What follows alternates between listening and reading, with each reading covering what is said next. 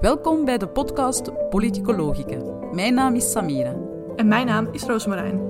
Wij zijn twee politicologen aan de Universiteit Antwerpen. In deze podcast interviewen wij politicologen over hun onderzoek en bespreken wij de wetenschap van de politiek. Wil je meer weten over waarover we het hebben? Bekijk gerust de show notes.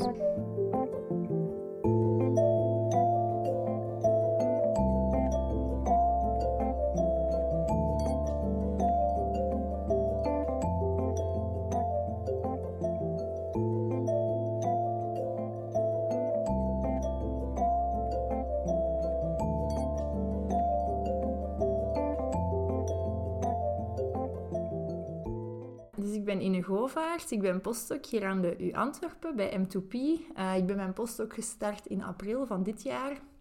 Na een doctoraat en ook mijn studies aan de KU Leuven. Uh, aan de KU Leuven heb ik eerst communicatiewetenschappen gestudeerd en dan nog een master politieke wetenschappen bijgedaan. En dan ben ik zo eigenlijk via mijn thesispromotor Sophie Marien in mijn doctoraat beland aan de KU Leuven. En dan aan de KU Leuven heb ik dan mijn doctoraat geschreven. En jij houdt van onbeschofte politici, want dat is ja. het thema. ja, ik hou niet van uh, onbeschofte politici per se, maar ik vind het wel heel interessant om te onderzoeken. En kun je uw algemene thema eens wat kort schetsen? Want het gaat onder andere over onbeschofte politici, maar je zei juist, het gaat over veel meer dan dat. Mm -hmm. Um, ja, dus meer algemeen ging mijn doctoraat over de kwaliteit van het politieke debat, uh, met een focus op uh, de communicatie van politici. En de kwaliteit van het politieke debat, dat is heel breed en ik ben daar dan op twee elementen soort van gaan focussen. Enerzijds op onbeschoftheid in het politieke debat. En dan ook anderzijds op uh, het, de argumentatie van politici. Dus of zij argumenten geven voor hun beleidsstandpunten. Uh, en daar uh, naar beide aspecten gaan kijken. En dat vertrok eigenlijk vanuit uh, een soort van ja, bezorgdheid die ontstaan was, of die er bestaat vandaag in het mediadebat, in het publieke debat over de kwaliteit van het politieke debat. En jij hebt gekeken naar verkiezingsdebatten, Ja, heel specifiek. Dus echt ja. gewoon voor de, voordat er verkiezingen zijn op televisie heb je vaak één of twee of meerdere debatten ja. op televisie en dan... Ja, exact. Dus er zijn zo'n twee à drie gemiddeld verkiezingsdebatten uh, per verkiezingsjaar. En ik ben gaan... nog weinig eigenlijk. Ja, er zijn er meerdere. Allee, ik bedoel, in de zin van, er zijn veel debatprogramma's die georganiseerd worden voor de verkiezingen, maar zo echt het... Uh, het grote debat of het, het, het leidersdebat uh, heeft verschillende namen gekregen, ook in, in Nederland, hè, die grote debatten. Die zijn er niet super vaak. Die worden ook voornamelijk georganiseerd door VTM en 1. En dan zijn er zo'n enkele, ik ben echt specifiek gaan focussen op die sinds 1985 tot uh, 2019 dan. Dat is al heel lang geleden. Een hele... Ja. We gaan niet zo ver terug vandaag, maar uh, en het is ook nog niet zo lang geleden, hè? 85. Jawel, zo uh, ja. Voor sommigen niet zozeer. Uh, maar wat interessant is, is dat als je kijkt naar de laatste verkiezingen hier, had je verschillende politieke partijen en eigenlijk ook vooral de jongere generatie politici, Conor Rousseau en anderen, mm -hmm. die eigenlijk pinpoint op het gegeven dat het debat slechter loopt. Mm -hmm. Dus politieke debatten, mm -hmm. dat er veel meer onbe onbeschofte ja. uitspraken zijn gevallen. En er was eigenlijk ook meermaals een oproep tijdens allerlei programma's ja. over ja, we moeten het eigenlijk terug naar een zuivere vorm van politiek mm -hmm. gaan. We moeten beleefder zijn ten aanzien van elkaar. Ja. Maar in jouw doctoraat kom je tot andere bevindingen als je naar die evolutie kijkt. Ja, dus specifiek uh, in die debatten ja, maar ook... Dus ik, bouw, ik ben daar zelf, was ik daar een beetje van... Oef, oké, okay, dit had ik eigenlijk niet verwacht. Ik had ook... Want even voor de helderheid, wat heb je nou gevonden? Ah ja, dus over de tijd heen, uh, dus dat is één, dus eigenlijk misschien even samenvattend, ben ik gaan kijken naar de evolutie van de kwaliteit van het politiek debat. Dus zowel onbeschoftheid als het geven van welberedeneerde argumenten over de tijd heen, dus van 1985 tot 2019 in die verkiezingsdebatten. Dan naar verschillende factoren of determinanten die die kwaliteit gaan beïnvloeden. Bijvoorbeeld de aanwezigheid van populistische politici in die debatten, uh, oppositiepartijen uh, versus partijen die in de regering zitten. Uh, het, het, bediscussiëren van morele versus niet-morele onderwerpen en allerlei van die factoren.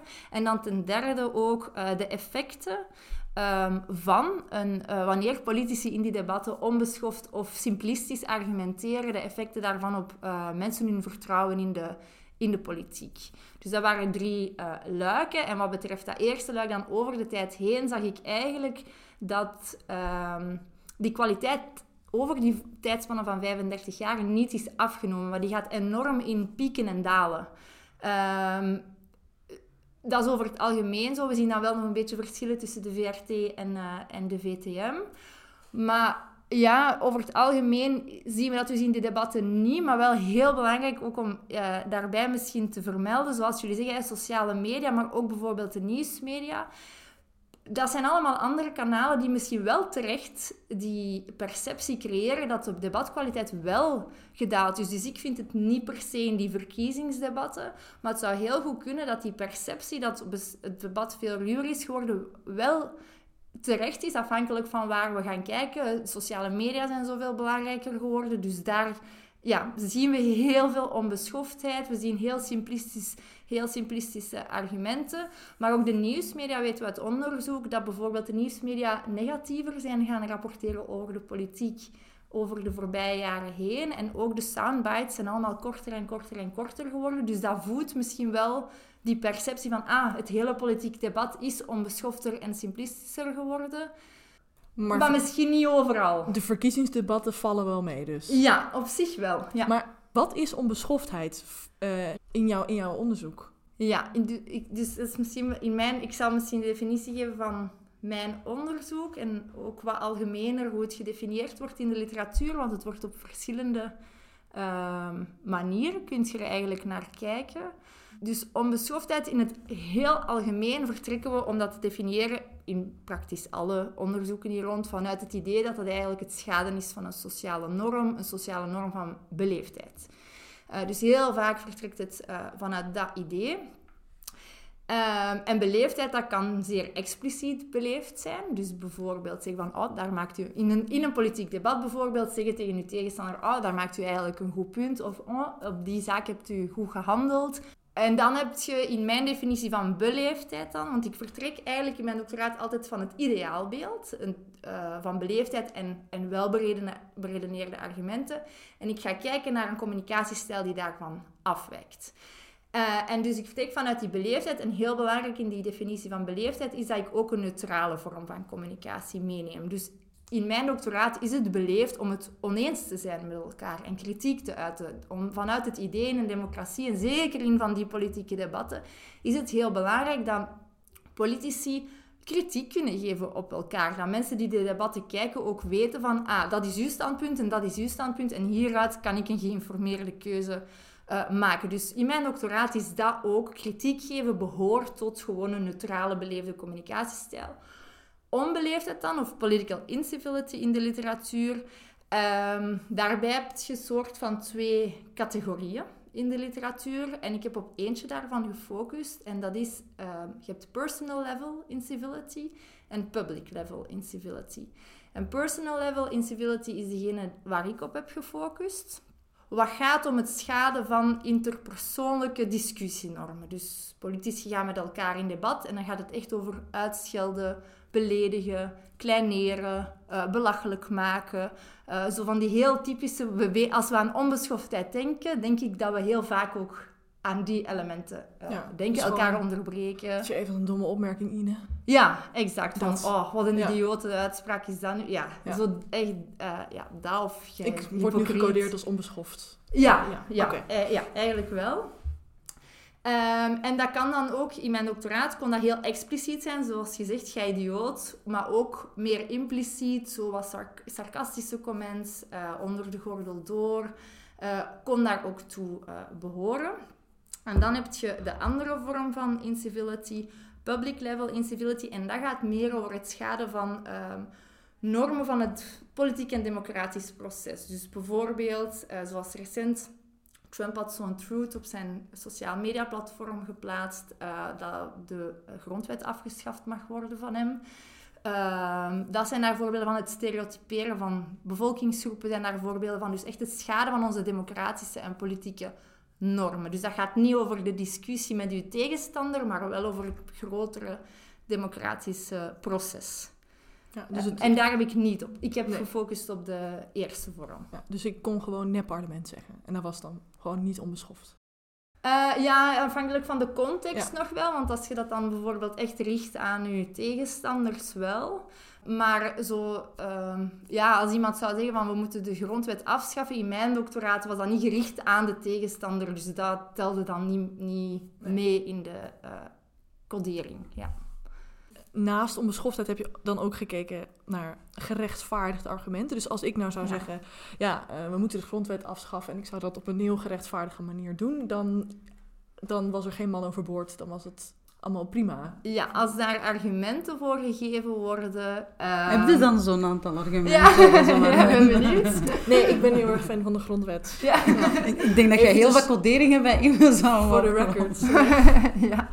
Nee, maar, maar, dus, maar ja, hoe bepaal jij, eh, ja, maar, maar- ja, Mhm. hoe bepaal jij nou weer wat gerechtvaardigd is of niet? Ik heb niet gecodeerd of een argument goed of slecht is, maar puur gaan kijken, is een argument aanwezig? Of zijn meerdere argumenten aanwezig? En linken die ook terug naar het standpunt dat gemaakt wordt. Dus het idee was dat een, een gerechtvaardigd of een welberedeneerd argument bestaat uit een claim of een standpunt. Uit argumenten voor dat standpunt en ook een duidelijke link tussen de twee. Dus ik moest wel doorhebben, allee, ik en mijn codeurs, ik heb dit ook vaak samen gedaan eh, met anderen, Ehm, dat er een soort van eh, geheel was. Maar dat betekent dus ook wel dat voor sommige standpunten mogelijk eh, de argumenten, ja, je kunt het ermee eens zijn of oneens, maar puur het feit dat er argumenten waren gegeven vanuit het idee dat informeert wel het publiek. Maar ik ben niet gaan kijken, was het, zeker omdat we ook teruggingen tot 1985, hebben we het besluit genomen van dat kunnen we, niet, dat kunnen we gewoon niet valideren. Ja. Heb je wel eens een argument rechtvaardig eh, moeten vinken of in ieder geval ah, ehm, wat je eigenlijk, waar je het zelf niet mee eens bent? Heb je, Ja, niet mee dat- eens, sowieso. Sowieso, ja. Eh, Hopelijk wel. Ja, ja, ja. Misschien, misschien had ieder wel gewoon geen mening. Dat, jawel. Ik zou daar gewoon niet goed in zijn. Ik denk dat nee, met iedereen wie ik niet akkoord ben... het is duidelijk jouw... jouw Ja, Onbeschoft, nee, dat- nee. Ja, nee, nee, ik heb daar op zich ook wel heel veel uit geleerd, omdat ook bijvoorbeeld thema's uit, ja, van een... Heel veel komt terug. Eh, er zijn nog geen oplossingen voor gevonden waar vroeger al, al belangrijk eh, ook was. Maar ja, je zet daar wel echt uit. Ehm, en je gaat echt op zoek van, oké, dit is je moet echt zoeken, dit is het standpunt dat in... Dus wat we doen is, we gaan eigenlijk in die debatten... eh, we werken met speech acts of turns noemen we dat. Dus in zo'n debat neemt je om de beurt een spreekbeurt. En dat zijn we allemaal gaan aanduiden. Dus we hebben niet de debatten in zijn geheel of zo gecodeerd, maar we zijn in elk debat de spreekbeurten gaan aanduiden van de politici. Dus bijvoorbeeld, politicus A zegt iets, politicus B reageert daarop, politicus C reageert daar weer op. Dat zijn we allemaal gaan aanduiden in, in aparte stukjes. En dan zijn we in die stukjes gaan kijken van, oké, wat is het standpunt dat in dat stukje gemaakt wordt en worden er redenen voor gegeven eh, of niet. Alleszins, dat is hoe het, hoe het werkte. En zo kunnen we dan zien eh, binnen die debatten wie... oh Ja, we kunnen gaan kijken naar wie heeft veel argumenten, wanneer doen ze dat, eh, enzovoort. Oké, maar over het algemeen dus geen bijzondere trend eh, richting onbeschoftere of... wel, ik, ik denk dat... Of in ieder geval althans niet in verkiezingsdebatten. Nee, voilà. Ja. Ik denk dat dat belangrijk is. Wel belangrijk is, het is ook niet alsof het een rechte lijn is. Dus sommige debatten waren wel echt onbeschoft en andere helemaal En in, welke contexten gaat het dan... Of in welke contexten krijg je de pieken dan? Ja. Welke factoren spelen dan mee om te zeggen... Nu zijn ze over de schreef aan het gaan. Ja, dus we zijn daar naar heel wat verschillende determinanten gaan kijken. En dus we hebben dan ook eh, dat afge die trendlijn afgebeeld op een grafiek. En dan zie je dat dat echt kan gaan van 3% eh, van de spreekbeurten zijn onbeschoft naar 20%. Dus er zit wel degelijk een eh, verschil op in die debatten, een groot verschil. Maar dus we zien dat dat afhankelijk van jaar tot jaar of van debat tot debat verschilt. En dan zien we verschillende zaken die een rol spelen. Op het, debat, op het niveau van het debat zijn er een aantal factoren belangrijk en ook op het niveau van de politicus zelf. Dus bijvoorbeeld op het niveau van de politicus zelf, dus het micro-level niveau hebben we dat genoemd. Daar zijn we kijken naar populistische ideologie naar het geslacht van de politicus en naar incumbency, dus in de regering zitten of in de oppositie zitten. En daar zien we dat die eigenlijk alle drie een rol spelen. Dus politici in de oppositie zijn vaker onbeschoft dan politici in de regering. Vanuit het idee waarschijnlijk ja, dat zij kunnen ingaan tegen het beleid dat gevoerd wordt. Ze kunnen ook gemakkelijk eh, kritiek uiten. Dat is ook hun, hun, taak natuurlijk. Terwijl iemand in de regering gaat vaker het beleid moeten verantwoorden bijvoorbeeld. En heeft minder die, ja, minder die incentives dan de oppositiepartijen om uh, kritiek en, en dan onbeschofte kritiek te gaan uiten. We zien dat ook uh, bij populistische politici. Dat is een bevinding die vaker uh, terugkomt. Ehm, en, dat... en, waarom dan populist, een populiste? Ja, dus zij, um, dat is vanuit het idee, dus hun, uh, dat past eigenlijk heel goed bij hun ideologie en bij de manier waarop ze naar politiek kijken. De standaard definitie een beetje van populisme is dat zij de elite gaan afzetten ten opzichte van het gewone volk. En heel vaak de elite ook blamen voor wat het er uh, fout gaat. Dus dat past heel goed bij dat idee van we gaan de elite... Um, bashen. Ja, bashen bijvoorbeeld. Of, of om, ja, vaker onbeschoft, dat past daar heel goed bij. Dat enerzijds, maar langs de andere kant ook. Heel veel mensen stemmen net op die partijen vanuit een anti-establishment gevoel en ze gaan in tegen de status quo en die communicatiestijlen vertrekken vanuit die normen van hoe het politieke debat eruit zou moeten zien. Dus dat past ook weer heel goed bij hun manier waarop ze naar de politiek kijken en, het, en een keer goed roepen en uh, uitschelden, ja, dat is daar, dat past, dat past daar uh, beter bij. Uh, en dus we zien dat. We zien wel belangrijk, we hebben daar een studie gedaan die verschillende landen. Dus mijn onderzoek focuste meestal op België, maar we hebben ook één crossnationale studie gedaan tussen Nederland, UK en Duitsland. En daar hadden we linkspopulistische politici en rechtspopulistische politici. En daar zagen we dat het wel vooral de rechtspopulistische politici die onbeschofter zijn. Meer dan de mainstream of de niet-populistische en ook meer dan de linkspopulistische, die eigenlijk het minst onbeschoft waren. Uh, dus daar zit dan nog een belangrijk verschil in. En dan ook als reactie daarop, en dat vond ik zelf heel interessant, zien we dat niet-populistische politici ook onbeschofter zijn naar populistische politici. Dus uh, dat is een soort van actie-reactie tussen die twee groepen. Uh, wat ervoor kan zorgen dat het debat in zijn geheel eigenlijk veel onbeschofter gaat worden. En dus een van die pieken, dat is al een belangrijke reden, een van die pieken en dalen, dus een piek in onbeschoftheid zien we vaak als er meerdere, of uh, als er populistische politici aanwezig zijn in de debatten, als er meer oppositiekandidaten ook uh, aanwezig zijn. Want we hebben sommige debatten waar we drie partijen maar aanwezig hadden. En dat waren twee mainstream partijen, of drie mainstream partijen en twee in de regering en één maar in de oppositie. En dan is dat debat enorm, ja, echt heel respectvol. En vanaf dat er zo'n dingen gaan veranderen, ook het onderwerp waarover men spreekt doet ertoe. Ook een hele belangrijke is het aantal politici die met elkaar debatteren. Dus we zien dat als je met meer bent, hoe meer politici tegelijkertijd moeten debatteren, ja, iedereen wil ook het woord krijgen of wil wat aandacht krijgen, hoe meer uh, onbeschoftheid er is. En geldt dat enkel voor het onderdeel van onbeschoftheid? Of ook het onderdeel rond de argumentatie die gehanteerd wordt? Ja, dus uh, deels, we zijn daar, ben ik bij iets minder factoren gaan kijken. Dus onbeschoftheid qua determinanten kreeg uh, onbeschoftheid, en daar is een artikel over geschreven dat specifiek op onbeschoftheid focuste. Dus over die argumentatie heb ik iets minder determinanten onderzocht, maar daar ook wel zijn we naar... Uh, de populistische determinant gaan kijken. En dan zien we dat ook, dat populisten zowel links als rechts uh, meer simplistisch taalgebruik hanteren. Dus we horen dat ook heel vaak en dat is ook ons gevoel. Dat werd ook uh, bevestigd uh, in het onderzoek. En dan zien we ook bijvoorbeeld de, de omroep doet ertoe. Bijvoorbeeld op VTM is er uh, iets meer onbeschoftheid dan op VRT.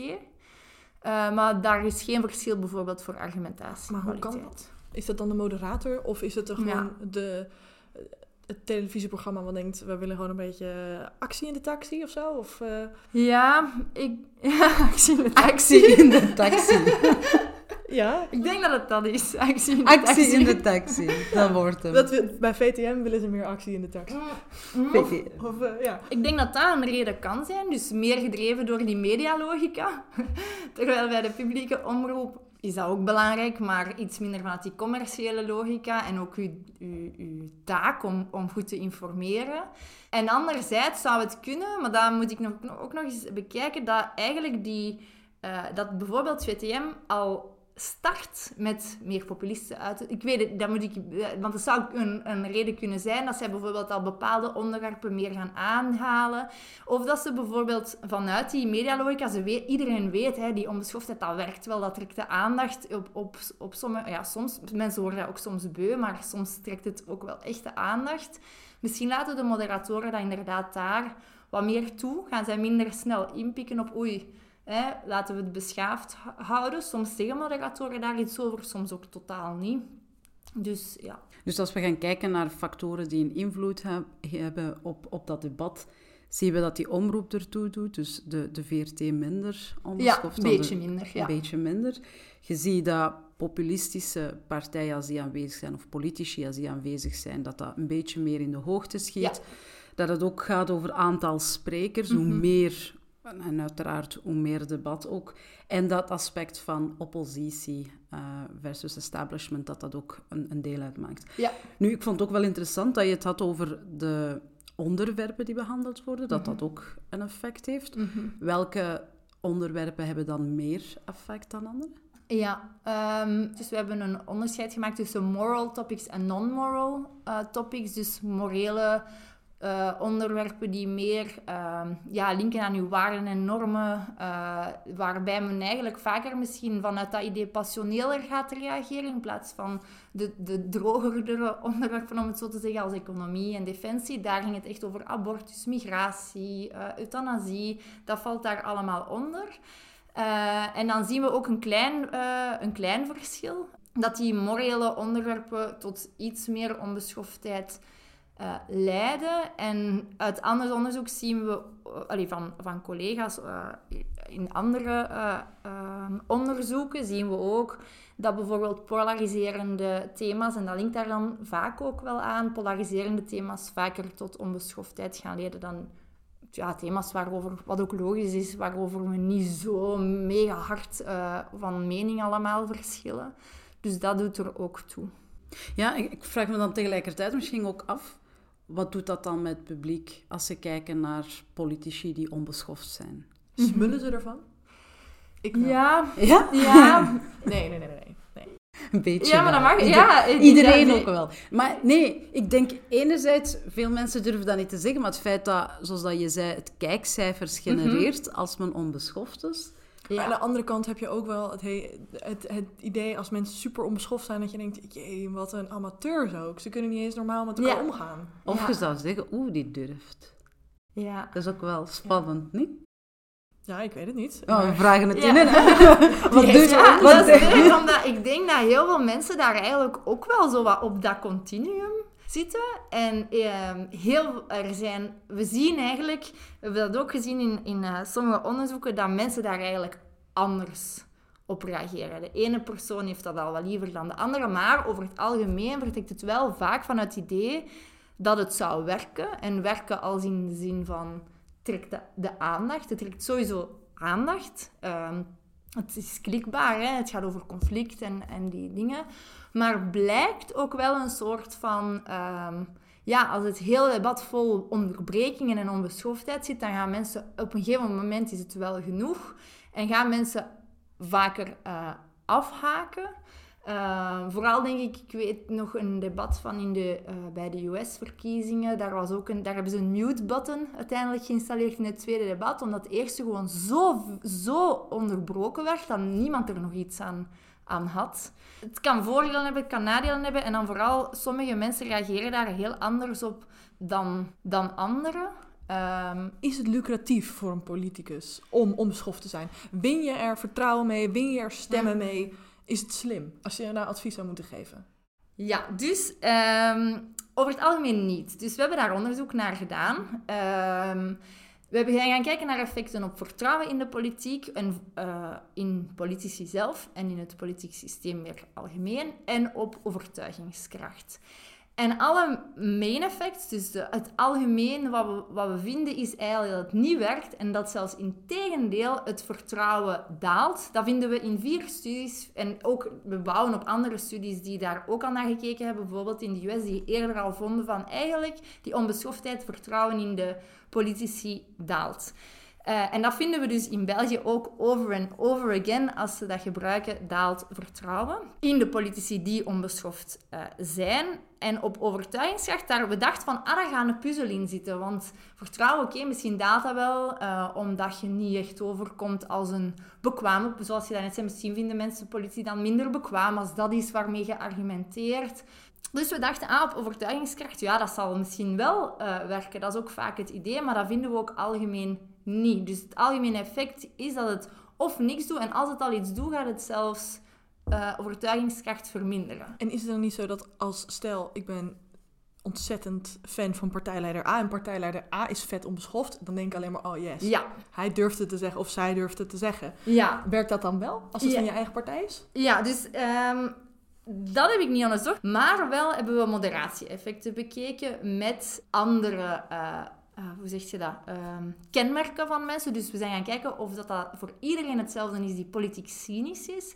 En ook voor mensen die belang hechten eigenlijk aan een inclusief debat, een debat waar verschillende meningen aan bod komen. En als we dan gaan kijken naar die effecten, dat uh, algemeen effect gaat verschillen. Dus mensen die heel politiek cynisch zijn, die gaan eigenlijk net iets meer overtuigd worden door onbeschoftheid en simplistische argumentatie dan mensen die niet politiek cynisch zijn. Dus, dus je zou kunnen zeggen dat het bij die type van mensen wel werkt. het, ja, werkt, het werkt bij, Samira. Nee. Helemaal overtuigd. Meer, meer, meer. maar hoe, hoe definieerde dan mensen die politiek cynisch zijn? Uh, hoe hebben we dat bevraagd? We hebben gevraagd, eh, zo'n standaardmeting van politiek cynisme was dat bijvoorbeeld, uh, het, uh, er waren zo'n aantal items, zoals bent u, vindt u dat politici niet, in ja, niet weten wat er leeft in de samenleving, dat politici vooral uit, algemeen, uit eigen lang, niet algemeen belang, maar uit eigen belang handelen?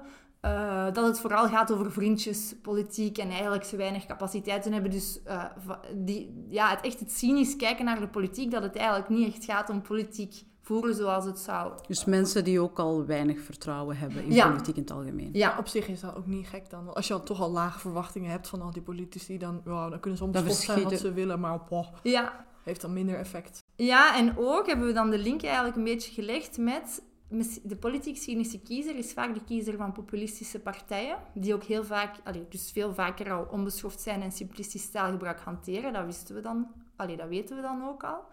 En dus is daar een soort van win-win mogelijk wel voor, voor ja, partijen die heel anti-establishment zijn en dan kiezers aantrekken die ook een beetje anti-establishment zijn. En daar zien we wel in een, in een deeltje van de bevolking dat het mogelijk dus wel kan werken. En dan tot het punt van, hè, uh, het is mijn partij, dus we aanvaarden dat meer. Ik denk dat dat heel belangrijk is.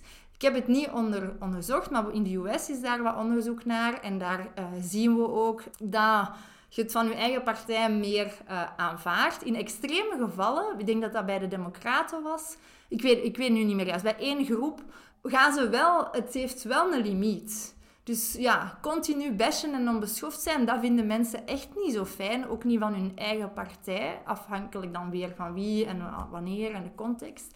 Uh, maar je aanvaardt het wel meer natuurlijk als je eigen partij doet dan als je aanvallen moet incasseren van een andere partij. Ja. Dat is interessant. Ja, maar ja, bij ons, ik moet wel zeggen, dat is US. Ik heb dat nog nooit bestudeerd in een meerpartijsysteem. Dus, maar ik vermoed dat we hetzelfde ja, zouden zien. Ja, en dat er opnieuw mensen zullen zijn die dat minder aangenaam vinden dan andere mensen. Maar over het algemeen vermoed ik dat we dat wel meer aanvaarden van onze eigen partij. Ja. Onbeschoftheid leidt niet, of in ieder geval, ja, zorgt eigenlijk voor meer wantrouwen.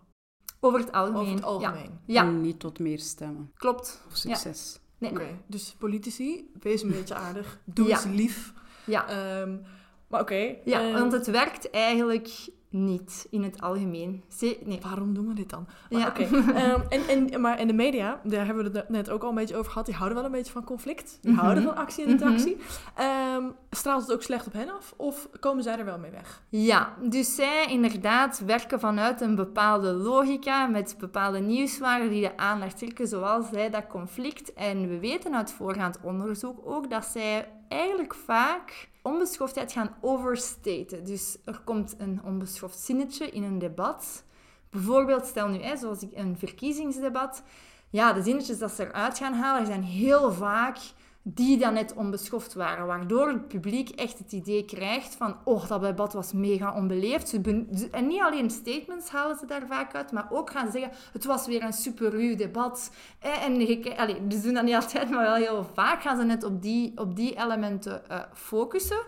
En dat viel mij, omdat ik onderzoek naar die verkiezingsdebatten deed, en dan kwamen de verkiezingsdebatten, en dat viel mij enorm op. Dat dus eigenlijk onze debatten oh, niet zo mega, mega onbeschoft waren, maar toch kreeg ik dat gevoel als ik dan daarna het nieuws las. Ze zijn een beetje aan het overdrijven. Ja, soms dus wel. En dan uh, zijn we dat gaan onderzoeken. Wat dat doet uh, met de geloofwaardigheid van de nieuwsmedia zelf. Uh, en dan zien we inderdaad, we hebben twee experimenten gedaan. En in beide experimenten zien we dat als uh, de media onbeschoftheid gaan benadrukken in hun uh, berichtgeving over politieke debatten bijvoorbeeld, dat uh, hun geloofwaardigheid daalt. Dus hetzelfde zoals dat politici hun geloofwaardigheid daalt, of het vertrouwen in politici daalt wanneer ze onbeschoft zijn, zien we eigenlijk iets heel gelijkaardigs bij de nieuwsmedia gebeuren. En we hadden daar vergeleken nieuwsartikelen die niet op onbeschoftheid focussen en gewoon een, een, rapport, een berichtgeving doen van het debat versus hetzelfde nieuwsartikel, maar dan met ook een focus op onbeschoftheid. En dan zien we dus dat die geloofwaardigheid daalt. Dus ook niet slim voor de media. Nee, misschien op korte termijn. Het kan kliks genereren. Als in, op, op dat vlak het, het kan engagement creëren. Maar op lange termijn worden mensen mogelijk... Ja, daalt de geloofwaardigheid van uw kanaal. Dus nee, op, mogelijk op korte termijn. Maar op lange termijn kan het wel echt de geloofwaardigheid doen, uh, doen dalen. Dan snap ik er gewoon ook helemaal niks meer van. Waarom doen politici en media dit dan toch? Wegens het korte termijn. Het korte, denken... Ja, dat denk ik. ja. ja. Ja, maar dat lijkt me ook wel een, een plausibele verklaring te zijn. Zeker ook omdat ons politiek systeem zo vluchtig is. Het zijn ja. verkiezingen om de vierde... Moet niet zo zijn. Tot zes jaar. Nee, nee, natuurlijk niet. Termijn. Maar als je wilt opvallen, dat denk ik... Ik herinner me... Als ik kijk naar wat ik mij herinner van politici, bijvoorbeeld bij de vorige verkiezingen, als we het dan toch over die mhm. verkiezingsdebatten hebben, was, ehm, ik denk iemand van N-VA, Bart de Wever, mm zei tegen de voorzitter van Vlaamse Belang, uh, Tom van Grieken, paljas. Mm, ja. Dus dat is heel lang in het nieuws geweest. En ik moet eerlijk zeggen, van al die debatten, als ik daar terug aan moet denken, is dat hetgene wat ik ervan onthouden heb. Ja, dat is natuurlijk ook ons brein werkt een beetje. Wij onthouden negatieve dingen meer of beter dan de positieve ook. En het is natuurlijk over en over in de media gekomen. Dus die combinatie van beide. En dan met die verschillende oproepen van politici. Want ik ging er echt vanuit dat debat qua kwaliteit gewoon aan het verslechteren was. Dat iedereen elkaar uitscheldt, uh, dat ze mhm. allerlei dingen roepen tegen elkaar.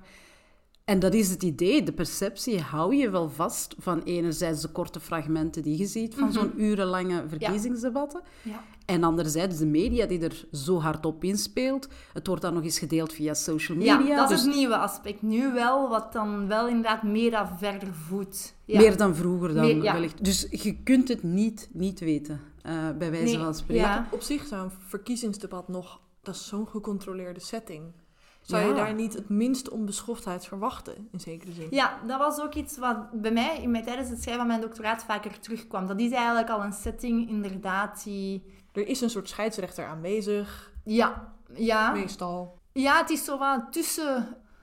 Want het is natuurlijk wel in de media en het gaat ook weer om de aandacht. En nog eens, want het is inderdaad ergens positief, maar er is wel degelijk ook onbeschoftheid en een simplistische argumentatie, zeker in, in die debatten, maar in vergelijking mogelijk met andere kanalen minder. Maar inderdaad, het is wel een setting waarin het de bedoeling heeft om de kiezer toch wel te informeren. Het heeft niet de bedoeling om een tweet van 140 karakters te plaatsen. Ja, het is een heel andere mindset waaruit je start. Dus in dat opzicht denk ik inderdaad wel dat het al een context is waar er, er wel ruimte zou moeten zijn, alleszins om met elkaar in, in debat te gaan. Ja. ja, en waar dat je waarschijnlijk ook iets meer argumenten uh, aan bod kunt laten komen om elkaar af te troeven dan inhoudelijk. Ja. Ik kan me best inbeelden dat je op sociale media, als het zo kort moet zijn en mhm. snel, dat je dan misschien ook iets harder zou... Ja. Oh. Ja, ja. Zo van, als, het, als ze in verkiezingsdebat al onbeschoft zijn, af en toe dan moet het toch wel extra zijn. Ja, maar zou het dan inderdaad in die andere kanalen slechter zijn dan wat we te zien krijgen tijdens die verkiezingsdebatten? Ja, afhankelijk waar. Ik denk ja, op sociale media vaak wel. Ja. Maar ook weer, daar is belangrijk, en naar wie kijkt je? Ga je naar de politici zelf kijken? Ook wie weer? Wie weer? Sommige tweet-accounts, Twitter-accounts zijn, ja, hebben veel onbeschoftere uh, tweets dan, dan andere. Ik denk dat het ook vooral het beeld meegevoed wordt daar door de reacties ook die we krijgen van burgers zelf. Het, het wordt heel toxisch soms. Soms bespendeer ik een, ja, heel erg, maar dan begin ik te lezen en dan denk je echt, oh my god. En dan zit een paar uur verder. En dan, ja, dan denk je, eh, ja en dat, maar dat voedt natuurlijk wel mee mijn idee hoe onbeschoft het is geworden. Dus sommige reacties zijn echt wel hard. heel hard en uh, ja, daar wordt op elkaar gereageerd en elkaar uitgemaakt voor weet ik veel wat allemaal. Um, en ook onderling politici dan? Ja, ik denk dat die soms wel een keer een aanval op elkaar doen en retweeten, maar ik had het hier dan vooral over uh, de ja. reacties uh, erop. Ik denk dat dat nog meer buitensporig... Allee, het hangt er ook vanaf. Ik moet nu bijvoorbeeld denken aan de Nederlandse case. Bijvoorbeeld met Wilders op die uh, Sigrid Kaag iets tweet en waarop hij dan ja, retweet heks. Ja, ja, dat doet hij altijd. Ja, maar zo, van die dingen. Dus ja, dat gebeurt zeker wel. Maar ook hier zien we weer, hè, dus een, een uh, rechtspopulistische politicus. Zij doen daar ook wel echt meer. Dat bij hem is dat deel van, van, van wie hij is als politicus. Het zit ook heel erg in de parlementaire arena zelf, in het parlement. Ik bedoel, we hebben een Forum voor Democratie die een ander parlementslid zegt, nou, jij komt, jij, jij, er komen wel tribunalen en dan, en dan zal, zal je het wel weten. Dat is, en dat is zo in het parlement. Ja, veel voorbeelden die ik buiten kwamen ook wel vaak van, van in Nederland, heel specifiek. Maar zou je dan ook zeggen dat ze in Nederland onbeschofter zijn dan in Ja, ik heb het niet onderzocht. En nu even dimmen, hè? ik zou natuurlijk wel kunnen beamen uit uh, persoonlijke ervaringen dat dat mogelijk, ja, in het algemeen persoonlijke ervaringen, dat ze in Nederland onbeschofter zijn. Of alleszins, zouden ja, landen onderling... nu de mute-knop... Zouden dat ook zien? Want zijn het, ja, ik vraag me af of dat het mechanismen zijn die gelinkt zijn aan het politiek systeem, of dat er ook culturele aspecten zijn uh, die spelen qua landseffecten. Uh, dus ja, ik denk dat cultuur sowieso... Ik weet niet hoe verschillend de Nederlandse cultuur daarin is van, van de Belgische. Ik denk ook dat er bij ons heel veel voorbeelden zijn allee, van, van, wel onbe, allee, van wel onbeschofte uh, uitspraken. Vooral dan ook opnieuw, hè, als we bij, uh, de recht, bij het Vlaams Belang, rechtspopulistische partij gaan kijken, we zien dat daar wel echt ja, meer... Dus ik weet niet zo goed hoe verschillend het is met Nederland, maar zijn daar ook gewoon veel voorbeelden die vaak de aandacht wel, wel krijgen. Ja, ja. Zeker als de media daar uh, veel meer aandacht aan besteedt ook. Wat dus op de lange termijn een beetje dom is van ze. Maar goed. En stel dat je een advies zou mogen opstellen naar politici toe. Wat zou dat dan zijn, buiten dan inderdaad onbeschofte uitspraken minderen? Goh, ik denk... één, wat we daarnet al zeiden, is dat het meestal eigenlijk niet werkt. Dus ja, ook ja, minder uh, doen, maar niet alleen vanuit een bezorgdheid over ja, onze, ons vertrouwen in de politiek, in, in democratische waarden en normen waar we belangrijk maar ook gewoon omdat we dus echt wel zien dat het vaak niet succesvol is. Mensen hebben, ja, worden er niet meer door overtuigd. Uh, ook denk ik van ja, als, zeker dan in de context van verkiezingsdebatten, het is oké om een slogan of een one-liner te gebruiken. Hè. Het vat ook soms soms het, uh, uw, uw standpunt heel goed samen. Mensen luisteren daar ook soms beter naar. Het trekt de aandacht. Het is ook belangrijk om de aandacht te trekken, maar zeker in de context van een verkiezingsdebat. Leg uw one-liner of uw slogan uit. Eh, geef uw, uw, uw, ja, uw aantrekkelijk zinnetje mee, maar leg ook uit wat dat je daarmee uh, bedoelt. Ik denk dat dat heel belangrijk is om net die burger te gaan informeren. En zouden we aan de andere kant ook een ruimte kunnen creëren. En dan denk ik aan uh, de VRT, VTM, maar ook aan moderatoren en dergelijke, om ervoor te zorgen dat het debat wat beschaafder verloopt. En wat zouden dan adviseren? Ja, ehm, geen populisten uit. Binnen de democratische grenzen blijven. maar dat lijkt me wel een goed idee. dat kunnen ze doen. Dus, um, maar ja, ik denk vanuit... Uh, vanuit de determinanten dat allemaal inderdaad een invloed speelt, dat je wel wat kunt gaan kijken naar die determinanten. Hoe kunnen we daar rekening mee houden in het vormgeven van een debat? Puur vanuit dat, idee. Ik zou, heel vaak worden debatten bijvoorbeeld opgedeeld in groepjes politici die met elkaar debatteren. Wij hebben nu zeven partijen. We gaan die allemaal samenzetten. Dat zien we ook. Dat zorgt voor meer onbeschoftheid. Dat zou ik ja, in, niet doen. Dat heeft, daar heeft ook vaak ja, het is niet meer... Iedereen vecht om de aandacht, dus daar leren we niet altijd zoveel uit. Maar zet bijvoorbeeld een, een divers groepje uh, politici samen, uh, van oppositiepartijen, mainstreampartijen, geen drie populistische kandidaten. Te, ja, of ja, hier wel, want misschien zijn ze het dan vaak eens en gaat het minder onbeschoft zijn, maar ja, wat diversifiëren, ik denk heel belangrijk. En dat, dus dat viel ook op in de debatten.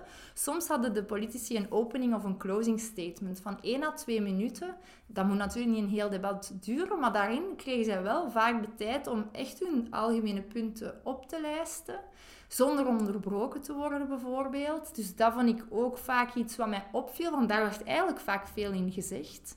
Oh, soms, niet altijd, soms was dat ook leeg, maar ja, daar hebben ze wel de kans op zijn minst om hun argumenten uit de doeken te doen. En ook, ja, er werd soms wel op gewezen wanneer het niet duidelijk was of wanneer het te onbeschoft werd. En dat denk ik dat een heel belangrijk element is om wel te interveneren als eigenlijk het allemaal ja, nergens politiek meer op slaagt, maar gewoon puur persoonlijke aanvallen zijn, daar heeft eigenlijk niemand iets aan. Ja. Dus eigenlijk gaan we onze december aflevering gewoon sluiten met een lekkere kerstgedachte met doe eens lief mensen. Ja. dat is wel heel uh, cliché, maar... Uh... Ja, af en toe dan ben ik in een cliché-achtige bui. Hè? Ja, lijkt ja, mij... Het is een mooie, mooie afronding. Helemaal goed. Ja. Wees lief. Nou, kijk, zie je, kan het ook. Ja, soms. Oké, super bedankt, Tine. Graag gedaan, dat was heel fijn.